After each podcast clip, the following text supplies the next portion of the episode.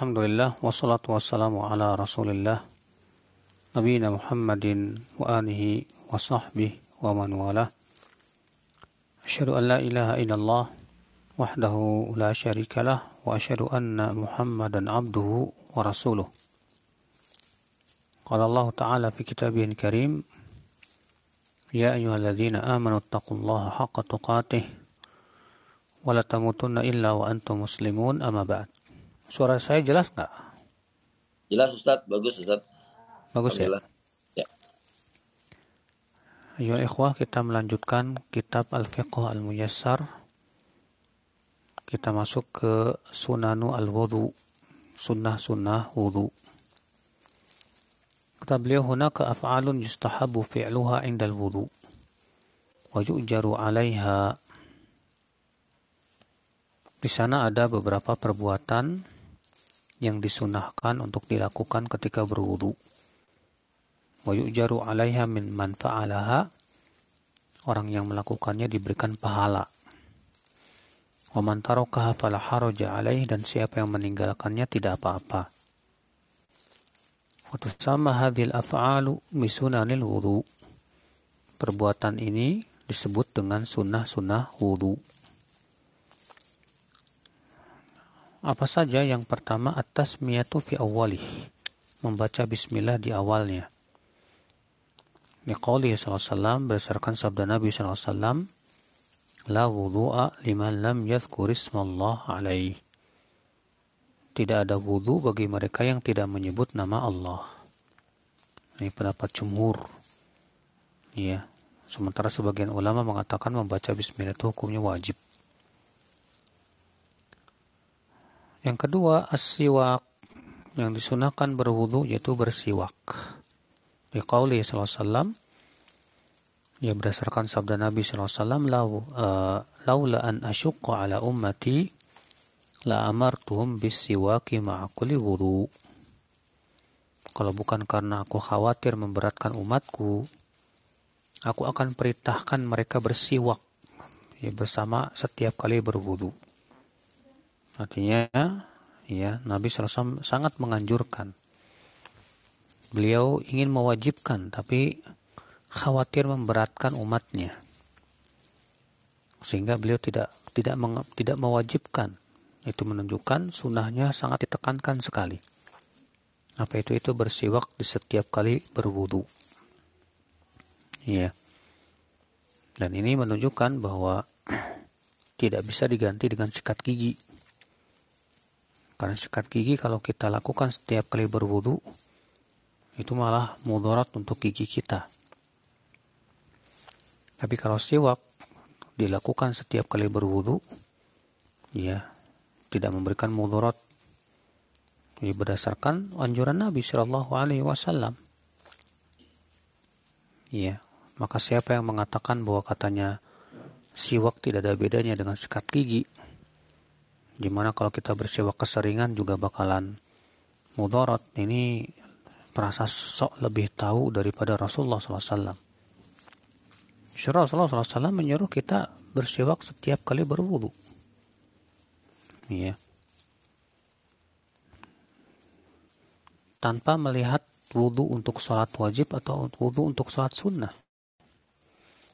Karena Nabi memutlakan, aku akan perintahkan mereka bersiwak di, di setiap kali berwudu baik wudu untuk sholat sunnah ya apalagi wudu untuk sholat wajib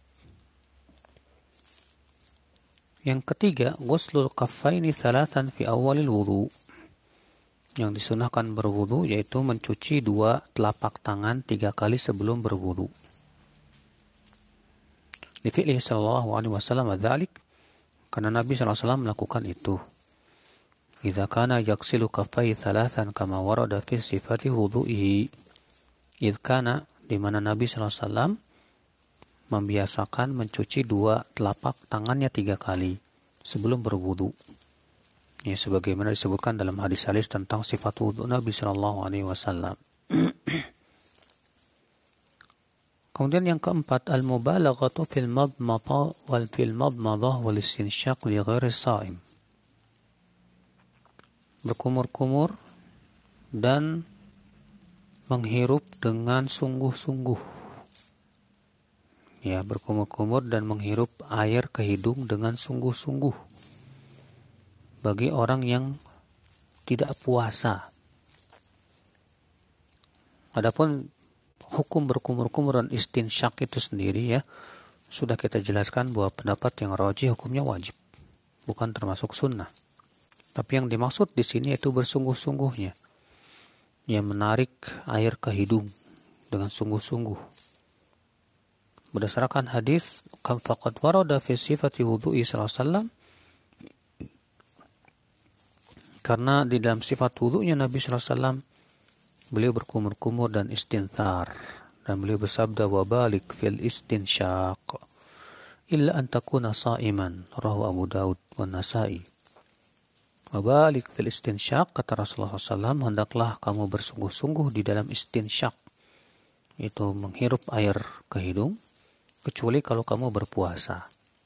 Maka tidak boleh. Kenapa? Karena dikhawatirkan ya akan masuk ke dalam kerongkongan air tersebut.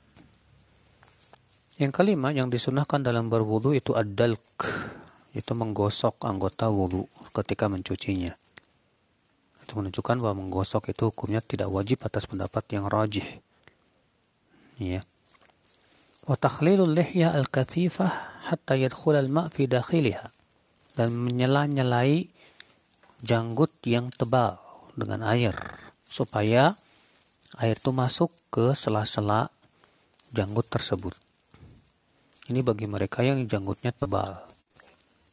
Maka pendapat yang rajih menyala-nyalai rambut janggut yang tebal itu harus wajib. Supaya apa? Supaya air itu masuk ke dalam sela-sela dan mengenai kulit. Lifi'lihi sallallahu alaihi wasallam dua perkara ini yaitu menggosok dan menyala-nyalai janggut itu dilakukan oleh Nabi Shallallahu alaihi wasallam. Fa innahu kana idza tawaddaa yudalliku zira'aihi. Karena Nabi SAW apabila berwudu beliau menggosok ya tangan leng lengannya. Iqra'ah Ibnu Hibban dan Baihaqi. Wa kadzalika kana yudkhilul ma' tahta hanqihi wa yukhallil bihi lihyatah. Demikian pula Rasulullah SAW memasukkan air ke rahangnya ya di mana beliau menyala-nyalai janggutnya. Dikeluarkan Abu Daud. Yang keenam, takdimul yumna alal yusra fil yadain warijlain. Mendahulukan yang kanan sebelum yang kiri ketika mencuci tangan dan kaki. Ini hukumnya sunnah. Kalau misalnya ada orang yang mendahulukan kiri dulu, kemudian kanan, maka ini tidak sesuai dengan sunnah ya namun sah wudhunya nggak masalah Lifi'li SAW fa'innahu kana yuhibbu tayamun fi tana'ulihi wa tarajulihi wa tuhurihi wa fi sya'ni kulli. Kenapa? Karena Nabi menyukai untuk mendahului yang mendahulukan yang kanan. Ya, ketika memakai sendal, bersisir, bersuci dan pada semua urusannya yang baik. Dikeluarkan oleh Imam Bukhari dan Muslim. Kemudian yang ketujuh yang disunahkan itu tasliful ghusl fil wajhi wal yadain wal rijlain. Itu mencuci anggota wudhu yaitu pada wajah, dua tangan dan dua kaki sebanyak tiga kali. Fal wajibu marrah wahidah. Karena yang wajib itu sekali. Wa yustahabu thalathan. Dan disunahkan tiga kali. Li fi'lihi sallallahu karena itu dilakukan oleh Nabi sallallahu alaihi wasallam.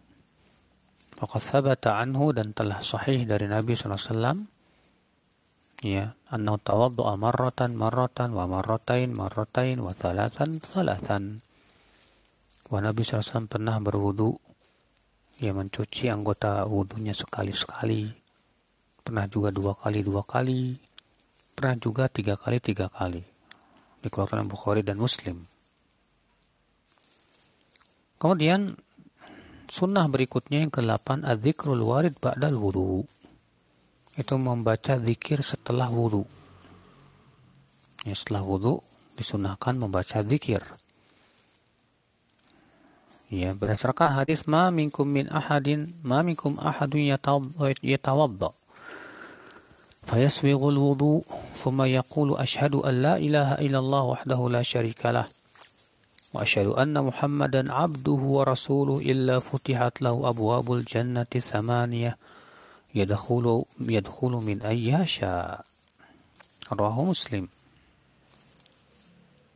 Tidak ada seorang pun berwudu lalu ia menyempurnakan wudhunya lalu ia mengucapkan asyhadu an la ilaha illallah wahdahu la syarikalah wa asyhadu anna muhammadan abduhu wa rasuluh. Dalam riwayat Tirmidzi ada tambahan Allahumma ja'alni minat tawwabin wa ja'alni minal mutatahhirin. Kecuali akan dibuka untuknya pintu-pintu surga yang delapan. Ia boleh masuk surga dari pintu mana pun juga. Ya karena doa apa zikir setelah wudhu ini ini menunjukkan bahwa agung sekali zikir ini. Ya asyhadu an la ilaha illallah wahdahu la syarikalah wa asyhadu anna muhammadan abduhu wa rasuluh. Allahumma ja'alni minat tawabin wa ja'alni minal mutatahhirin. Dan dalam riwayat Tirmidzi juga bahwa Nabi SAW ya setelah selesai wudhu mengucapkan Subhanakallahumma bihamdik Asyhadu an la ilaha illa anta astaghfiruka wa atubu ilaik. Kata Rasulullah SAW, siapa yang mengucapkannya setelah wudhu, maka akan distempel dan tidak akan pernah ya pecah sampai hari kiamat. Ya, berarti kita bisa menambahkan itu dengan ucapan kafaratul doa kafaratul majlis tadi. Nah demikian wabillahi taufik na'am. Ya, baik Ustaz Allah ibarik jazakumullah khairan Ustaz atas ilmu yang telah antum sampaikan kepada kami terkait dengan 8 poin dari sunnah-sunnah wudhu. Dan teman-teman sekalian, Alhamdulillah sesi pertama dari sesi materi telah kita lewati dan Allah memudahkan. Kita masuk ke sesi soal jawab. Bagi teman-teman yang ingin bertanya, silakan menggunakan tombol raise ya. Untuk Ini kalau kita masih punya waktu kurang lebih 29 menit untuk bersoal jawab bersama kita. Baik, Ustaz, kita masih menunggu yang bertanya. Sepertinya belum ada yang bertanya, Ustaz. Ustaz, uh, Anda bertanya, Ustaz, kalau seandainya tadi dijelaskan bahwa Nabi pernah berwudu sekali-sekali, dua kali, dua kali, atau tiga kali, tiga kali. Jika perbuatan itu dicampur, apakah boleh Ustaz? Misalnya satu bagian kita dua kali, satu bagian tiga kali Ustaz. Jazakallah khairan. Tidak apa-apa. Bahkan saya pernah menemukan dalam sebuah riwayat Muslim bahwa Nabi pernah mencuci wajahnya tiga kali, mencuci tangan kanannya dua kali, ke tangan kirinya tiga kali, itu menunjukkan boleh tidak apa-apa. Allah alam. Baik Ustaz Allah barik fik. Jazakumullah khairan atas pertanyaan. Dan ada satu pertanyaan Ustaz sudah masuk uh, dari Bu Fatih Bismillah izin titip pertanyaan kalau wudhu dengan hitungan dua kali dua kali apakah kita tetap mendapatkan keutamaan wudhu seperti menggugurkan dosa dan lain-lain atau khusus yang tiga kali. Siapa yang mengatakan bahwa yang menggugurkan dosa cuma tiga kali, maka dia telah berbuat bid'ah dalam agama. Karena tidak ada dalil yang menunjukkan kepada hal itu. Ya, keutamaan tentang wudhu, bahwasanya wudhu itu menggugurkan dosa, itu berlaku walaupun buat mereka yang mencucinya hanya sekali-sekali, yang itu merupakan uh, kadar yang wajib ya di dalam mencuci anggota wudhu ya maka kalau kita mencuci semua anggota wudhu hanya sekali-sekali maka kita mendapatkan keutamaan bahwa itu menggugurkan dosa kita Allah a'lam Baik Ustaz Jazakumullah khairan atas ya, dan selanjutnya sudah ada beberapa penanya yang sudah masuk kita coba atur dimulai dari Ufti Sarah Tafadol untuk bertanya kepada Ustaz Bismillah, Assalamualaikum warahmatullahi wabarakatuh, Ustaz. Uh, Afan, Ana izin bertanya bagaimana? Uh, Ukti, suaranya pelan. Ya, pakai earphone. Iya, Ustaz. Afan. Jangan pakai earphone. Earphone suka sering kali masalah. Buka aja earphone Yang sedang haid boleh berwudu, Ustaz, sebelum tidur? Iya. Iya. Uh, wanita haid apakah disyariatkan berwudu sebelum tidur? Ikhtilaf para ulama dalam hal ini. Pendapat yang sahih dan pendapat jumhur tidak disyariatkan. Iya. Dan tidak bisa disamakan dengan junub. Kenapa? Karena wanita haid, wanita haid Ya, karena wanita haid itu darahnya terus mengalir. Dan keluarnya darah itu sendiri sudah membatalkan puasa. Eh, membatalkan puasa, membatalkan wudhu. Maka dari itu, wanita haid tidak disyariatkan untuk ya berwudhu terlebih dahulu ketika hendak tidur.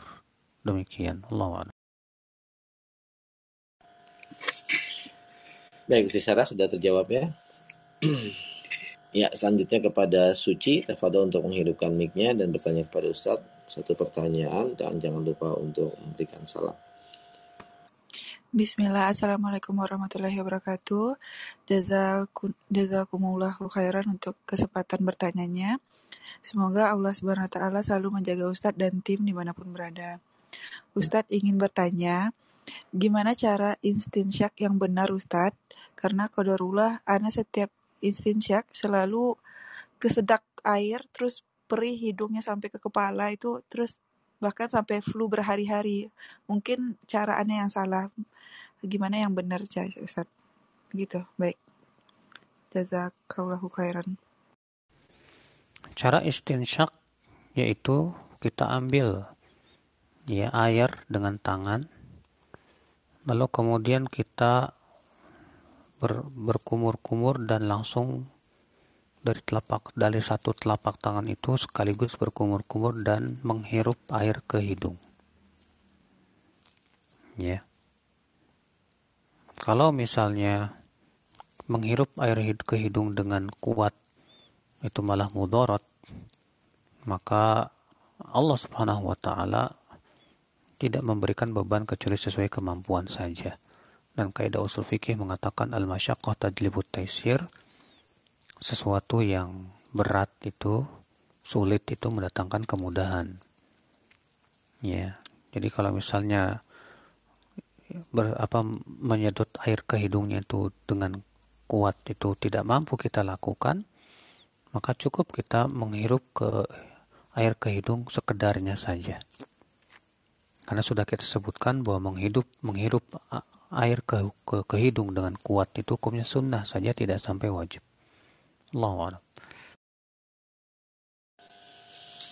Ya, suci sudah terjawab. Baik, kita selanjutnya kepada penanya berikut kepada Akhir Mansyah Tafadol untuk menghidupkan mic-nya. Assalamualaikum warahmatullahi wabarakatuh Ustaz. Mau tanya perihal abdulnya kita kalau lagi berwudu itu yang lebih abdul tuh kita berdiri apa du sambil duduk Ustaz? Apa? Enggak saat kita wudhu itu abdulnya kita berdiri apa sambil duduk Ustaz? Tidak ada dalil yang mengharuskan kita berdiri ataupun duduk. Jadi kalau kita berwudhu mau sambil duduk silahkan. Kalau kita berwudhu sambil berdiri silahkan. Ya, tidak ada dalil yang menunjukkan mana yang lebih utama dalam masalah ini. Allah a'lam. Iya, selanjutnya Uhti Silvia tafadhol untuk menghidupkan mic dan bertanya kepada Ustaz. Assalamualaikum warahmatullahi wabarakatuh Ustaz. Ustaz, hmm. uh, bagaimana hukumnya kita uh, menyeka jari-jari kaki dengan kelingking itu Ustaz? Kemudian uh, cara men menyeka jari-jari itu, sela-selanya itu, apakah bagaimana cara yang benar? Apakah hanya boleh menggunakan jari kelingking atau boleh dengan jari yang lain? Kemudian apakah harus dilakukan tiga kali atau bagaimana Ustadz? Jazakumullah khairan.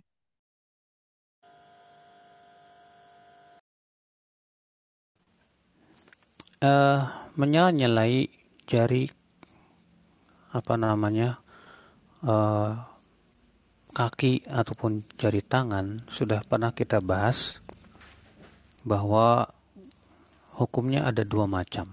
Kalau misalnya sela-selanya itu bagi orang yang terkadang ya kurus ya di mana kalau kita tidak sela-selai pun air tetap mengalir ke sela-selanya maka yang seperti ini hukumnya sunnah adapun kalau ternyata dia gemuk ya di mana kalau tidak disela-selai air tidak masuk ke sela-selanya maka yang seperti ini wajib hukumnya iya hukumnya apa namanya ya wajib dan Nabi SAW ketika menyala-nyalai kakinya, jari-jari kakinya itu dengan jari kelingking. Iya. Tapi kalau misalnya keadaan kita, misalnya kita berwudu, jika pakai jalan jari kelingking itu malah menyulitkan, maka boleh dengan jari mana pun juga. Karena tujuannya adalah agar air itu masuk dan sampai ke sela-sela jari jemari. Demikian. Ya, Allah barik fiik Ustaz. Silvia sudah terjawab ya. Ustaz selanjutnya izin membacakan pertanyaan tertulis. Bismillah. Assalamualaikum warahmatullahi Assalamualaikum. Izin bertanya Ustadz, apakah benar jika seorang wanita tidak menemukan tempat untuk berwudu yang aman jika ia membuka kerudungnya, maka ia diperbolehkan tayamum? Jazakallah khairan Ustadz. Iya, kalau memang keadaannya sulit, ya.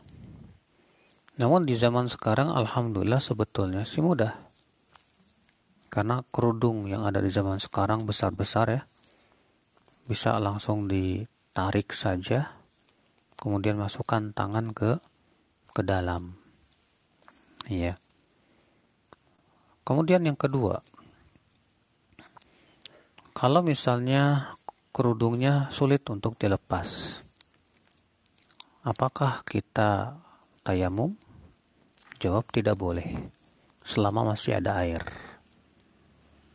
Iya. Lalu bagaimana mengusap kepalanya? Maka dikiaskan kepada perbuatan Nabi SAW ketika beliau berwudu dalam keadaan memakai sorban. Nabi SAW pernah berwudu dalam keadaan memakai sorban. Ya, caranya bagaimana? Nabi SAW mengusap dulu ubun-ubunnya. Lalu kemudian beliau mengusap ya sorbannya secara keseluruhan. Kenapa Nabi usap? Karena liwujudil masyakkah, karena ada kesulitan kalau ternyata harus ya mencabut kembali sorban ya karena kalau seperti itu merepotkan maka demikian pula wanita yang memakai kerudung. Kalau memang ternyata ya tidak bisa ditarik seperti halnya di zaman sekarang, sebagian akhwat yang menarik kerudungnya ke depan, lalu ia mengusap kepalanya dari dalam kerudung tersebut. Kalau misalnya ternyata itu sulit dilakukan, maka lakukanlah seperti halnya Nabi SAW mengusap sorbannya. Itu dengan cara mengusap ubun-ubunnya, kemudian mengusap kepalanya, ya di atas kerudung tersebut. Maka tidak boleh bertayamum selama masih ada air. Karena tayamum disyariatkan kalau kalau sudah tidak ada air atau tidak mampu menggunakan air. Demikian. Baik Ustaz, jazakumullah khairan atas jawabannya dan selanjutnya kepada Ukhti Lilis, tafadhol. Tanya kepada Ustaz satu pertanyaan singkat dan padat. Assalamualaikum Ustaz.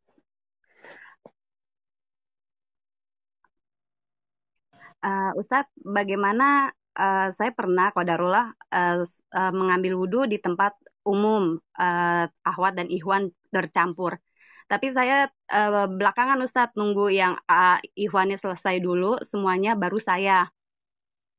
Uh, terus uh, saya tidak membuka uh, cadar saya, uh, tidak membuka uh, kos kaki semuanya, tapi saya uh, membasuhnya uh, di di luar apa di di atas pakaian itu uh, boleh uh, benarkah saya yang saya lakukan Ustadz? Jazakallah khair, barakallah fiqh. Yang anti lakukan salah dan tidak sah wudhunya. Tidak boleh mencuci wajah dengan cara mencuci cadar, sementara wajahnya tidak dicuci. Maka tidak masalah di tempat seperti itu untuk membuka wajah sebentar untuk mencuci wajah. Karena itu termasuk uzur. Demikian pula tangan ya sebentar saja untuk dibuka untuk dicuci sampai siku-siku karena itu termasuk uzur. Ya demikian pula kaki. Ya karena itu termasuk sifatnya uzur maka pada waktu itu tidak boleh kemudian di apa dicuci wajah dengan cara mengusap cadar. Ya. Ini tidak sah wudhunya Allah alam. Baik, jazakumullah khairan atas jawabannya. Ukti ini sudah terjawab ya. Dan selanjutnya kepada Ukti Azizah. Tafadhol bertanya singkat pada satu pertanyaan. Bismillah, Assalamualaikum Ustaz. Uh, izin bertanya Ustaz, kalau, uh, misalnya uh, bagi perempuan yang rambutnya panjang Ustaz ketika mengusap kepala itu apakah harus terkena semua Ustaz rambutnya sampai ke ujung Ustaz? Allah hanya menyuruh mengusap kepala, bukan mengusap rambut. Ya. Lafadznya apa? Wamsahu biru'usikum. Usaplah kepala kalian. Allah tidak mengatakan usaplah rambut kalian. Yang namanya kepala batasannya sudah kita ketahui. Jadi kalau rambutnya panjang sampai ke pantat misalnya, maka yang kita usap hanya kepala saja. Ya. Hanya kepala saja secara keseluruhan demikian. Nah.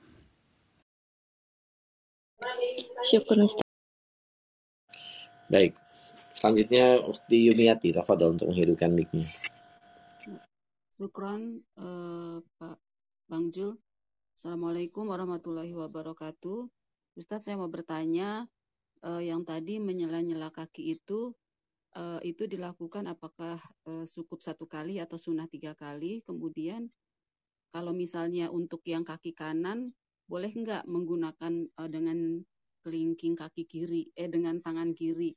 Karena saya kalau menggunakan tangan kanan itu agak kesulitan jadi dua-duanya itu menggunakan tangan kiri untuk menyala-nyala uh, jari kaki itu. Itu saja, Ustaz. Iya, menyala-nyala tangan ya dan kaki itu mengikuti jumlah mencucinya. Di mana kalau kita cuci sekali ya kita selah-selah sekali sekali. Ya. Kalau kita cucinya tiga kali kita selesai juga tiga kali. Kalau misalnya kita menyala-nyalai dengan tangan kanan sulit, maka boleh kita selesai dengan tangan kiri. Ya. Demikian Allah a'lam. Syukran jazakallah khairan Ustaz. Barakallah Ya, fiik barakallah. Selanjutnya Ukti Dewi tafadol menghidupkan mic dan bertanya kepada Ustaz. Assalamualaikum, uh, Ustadz. Saya mau bertanya um, mengenai ini sih posisi tidur ya. Kalau untuk tidur katanya harus menghadap kiblat. Nah, kalau tidur uh, kepala tuh harus di menghadap kiblat, kaki uh, di ini ya uh, sebaliknya gitu. Gimana kalau posisinya terbalik? Jadi kaki di kiblat, uh, kepala enggak itu katanya uh, uh, tidak boleh ya, Ustadz dalam Islam boleh minta penjelasannya. Terima kasih. Iya kalau Siapa yang berpendapat bahwa tidur harus menghadap kiblat, wajib dia membawa dalil. Tidak boleh mewajibkan sesuatu tanpa dalil dan tidak ada dalil. Yang Allah wajibkan menghadap kiblat kiblat hanyalah sholat. Ya, adapun tidur tidak ada kewajiban, bahkan juga tidak ada sunnahnya harus menghadap ke kiblat. Tidak pernah kita mendapatkan satupun riwayat bahwa Nabi SAW menganjurkan tidur menghadap ke kiblat. Yang ada adalah Nabi SAW tidur di atas rusuk kanannya. Ya. Yang ada adalah Nabi SAW tidur di atas rusuk kanannya. Adapun keharusan harus menghadap ke kiblat ini pendapat yang sama sekali tidak ada dalilnya. Maka setiap yang berkata dalam agama dengan tanpa ilmu, ya sungguh ia telah ya berkata atas Allah dengan tanpa ilmu dan itu termasuk dosa di sisi Allah Subhanahu wa taala. Karena agama ini harus berdasarkan dalil, bukan sebatas pendapat. Allah Oh, baik Ustadz. Jazakallah. Terima kasih banyak. Iya, jazakillah khairan dan Ustaz selanjutnya izin membacakan pertanyaan tertulis. Sebentar. Hmm. Maaf Ustaz, sebentar saja. Oke. Bismillah. Uh, Assalamualaikum, ingin bertanya, bolehkah ketika berwudu di dalam toilet atau kamar mandi membaca bismillah? Dan yang kedua, apakah berwudu diharuskan untuk menghadap ke arah kiblat? Jazakallah khairan. Membaca bismillah di dalam WC boleh. Ya, tidak ada larangan sama sekali. Makanya Syekh bin Bas mengatakan, kalau kita berada di WC, tetap membaca bismillah. Iya. Kemudian yang yang kedua apa tadi? Dua apakah wudhu harus menghadap kiblat Ustaz? Apakah berwudhu harus menghadap kiblat ini juga iya mengharuskan sesuatu tanpa dalil tidak boleh. Tidak ada dalil sama sekali wa Rasulullah SAW mengharuskan kita untuk berwudhu menghadap kiblat. Nah. Baik, Jazakallah khairan atas uh, jawabannya. Dan selanjutnya teman-teman kita masih punya waktu kurang lebih 5 menit untuk bersoal jawab. Cuma memang ada masalah di uh, apa namanya fitur raise hand-nya ini. Sepertinya bermasalah. Dan Ustaz sepertinya sudah tidak ada penanya. Eh, ada lagi Ustaz Afwan yang baru masuk. Bismillah, Assalamualaikum Ustaz. Assalamualaikum ketika setelah mengusap kepala itu kita mengusap bagian telinga dengan memasukkan jari telunjuk. Ketika jari telunjuk terluka, apakah boleh menggunakan jari lain seperti jari manis? Jazakallah khairan Ustaz. Tidak apa-apa. Ya, kalau memang ternyata jari telunjuknya terluka, maka kita masukkan jari manis. Yang penting adalah air sampai ke dalam. Ya, demikian. Nah. Baik, Ustaz Jazakallah khairan. Barakallahu. Dan selanjutnya satu pertanyaan lagi Ustaz di pesan tertulis. Bismillah, izin bertanya. Apakah hukumnya Ustaz membuka aurat hijab di depan akhwat yang tombol, eh tombol, tomboy saat berwudhu? Jazakallah khairan Ustaz. Uh, kalau dia memang akhwat, ya, maka boleh sebatas terlihat rambut demikian pula lengan, betis itu nggak masalah. Iya. Kecuali kalau dikhawatirkan dia apa namanya timbul syahwatnya lalu kemudian melakukan perbuatan yang tidak-tidak. Maka kita menjauhi orang tersebut dan mencari tempat yang lain. Ya. Tapi kalau ternyata tidak dia tidak melakukan apa-apa, ya, dan dia seorang wanita memang maka tidak apa-apa sebatas yang terlihat seperti itu ya pakai rambutnya atau tangannya demikian Allah a'lam Allah ibarik fi Ustaz Jazakumullah khairan jawabannya dan selanjutnya nih Alhamdulillah ada ikhwan yang bertanya kepada kepada Ah Muhammad untuk menghidupkan mic satu pertanyaan singkat dan padat Bismillah Assalamualaikum warahmatullahi wabarakatuh Ustaz izin bertanya, bagaimana pendapat yang rojih perihal bersentuhan dengan istri setelah berwudu? Karena anak pernah dengar kalau nggak salah ada perbedaan pendapat Ustaz. Jazakallah khair. Pendapat yang sahih dan rojih bahwa menyentuh istri ya itu tidak membatalkan wudhu. Berdasarkan hadis bahwasanya Rasulullah SAW sedang sujud atau sholat tahajud. Sementara Aisyah radhiyallahu anha mencari Rasulullah SAW dalam kegelapan. Lalu kemudian Aisyah memegang ya dua telapak kaki Rasulullah SAW yang sedang sujud dengan telapak tangan Aisyah radhiyallahu anha. Ya. Dan Rasulullah SAW tidak membatalkan sholatnya. Karena itu sahih dalam, dikeluarkan Muslim. Demikian pun dalam dalam riwayat Imam Ahmad yang disahihkan Syekh Al-Bani bahwa Rasulullah SAW pernah mencium sebagian istrinya kemudian sholat tanpa berwudu lagi. Maka hadis-hadis ini menunjukkan bahwa menyentuh wanita tidak membatalkan apa wudhu. Ya, menyentuh istri. Ya. Adapun menyentuh anak, menyentuh ibu, semua ulama sepakat ijma tanpa ada kesepakatan, tanpa ada perselisihan bahwa itu tidak membatalkan wallahu. Ya, Ahmad sudah terjawab. Ya. Sudah. Ya, baik. Kalau memberikan taufik buat kita semua. Dan selanjutnya kepada Ah Agung, Pak Fadol untuk bertanya kepada Ustaz.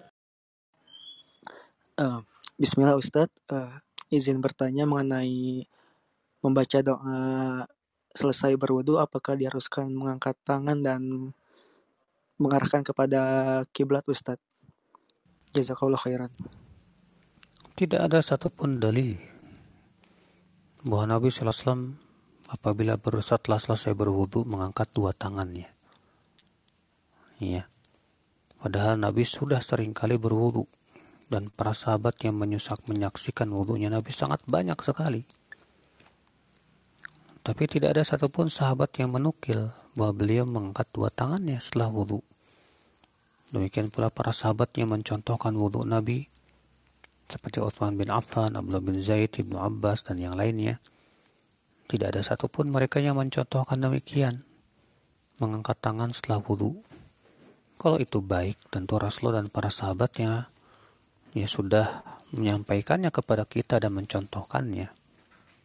Ya demikian. Allah Perkara-perkara yang sunnah adalah keutamaan yang bisa menambah pahala. Seorang muslim tidak dibenarkan untuk meremehkan masalah-masalah yang sifatnya sunnah.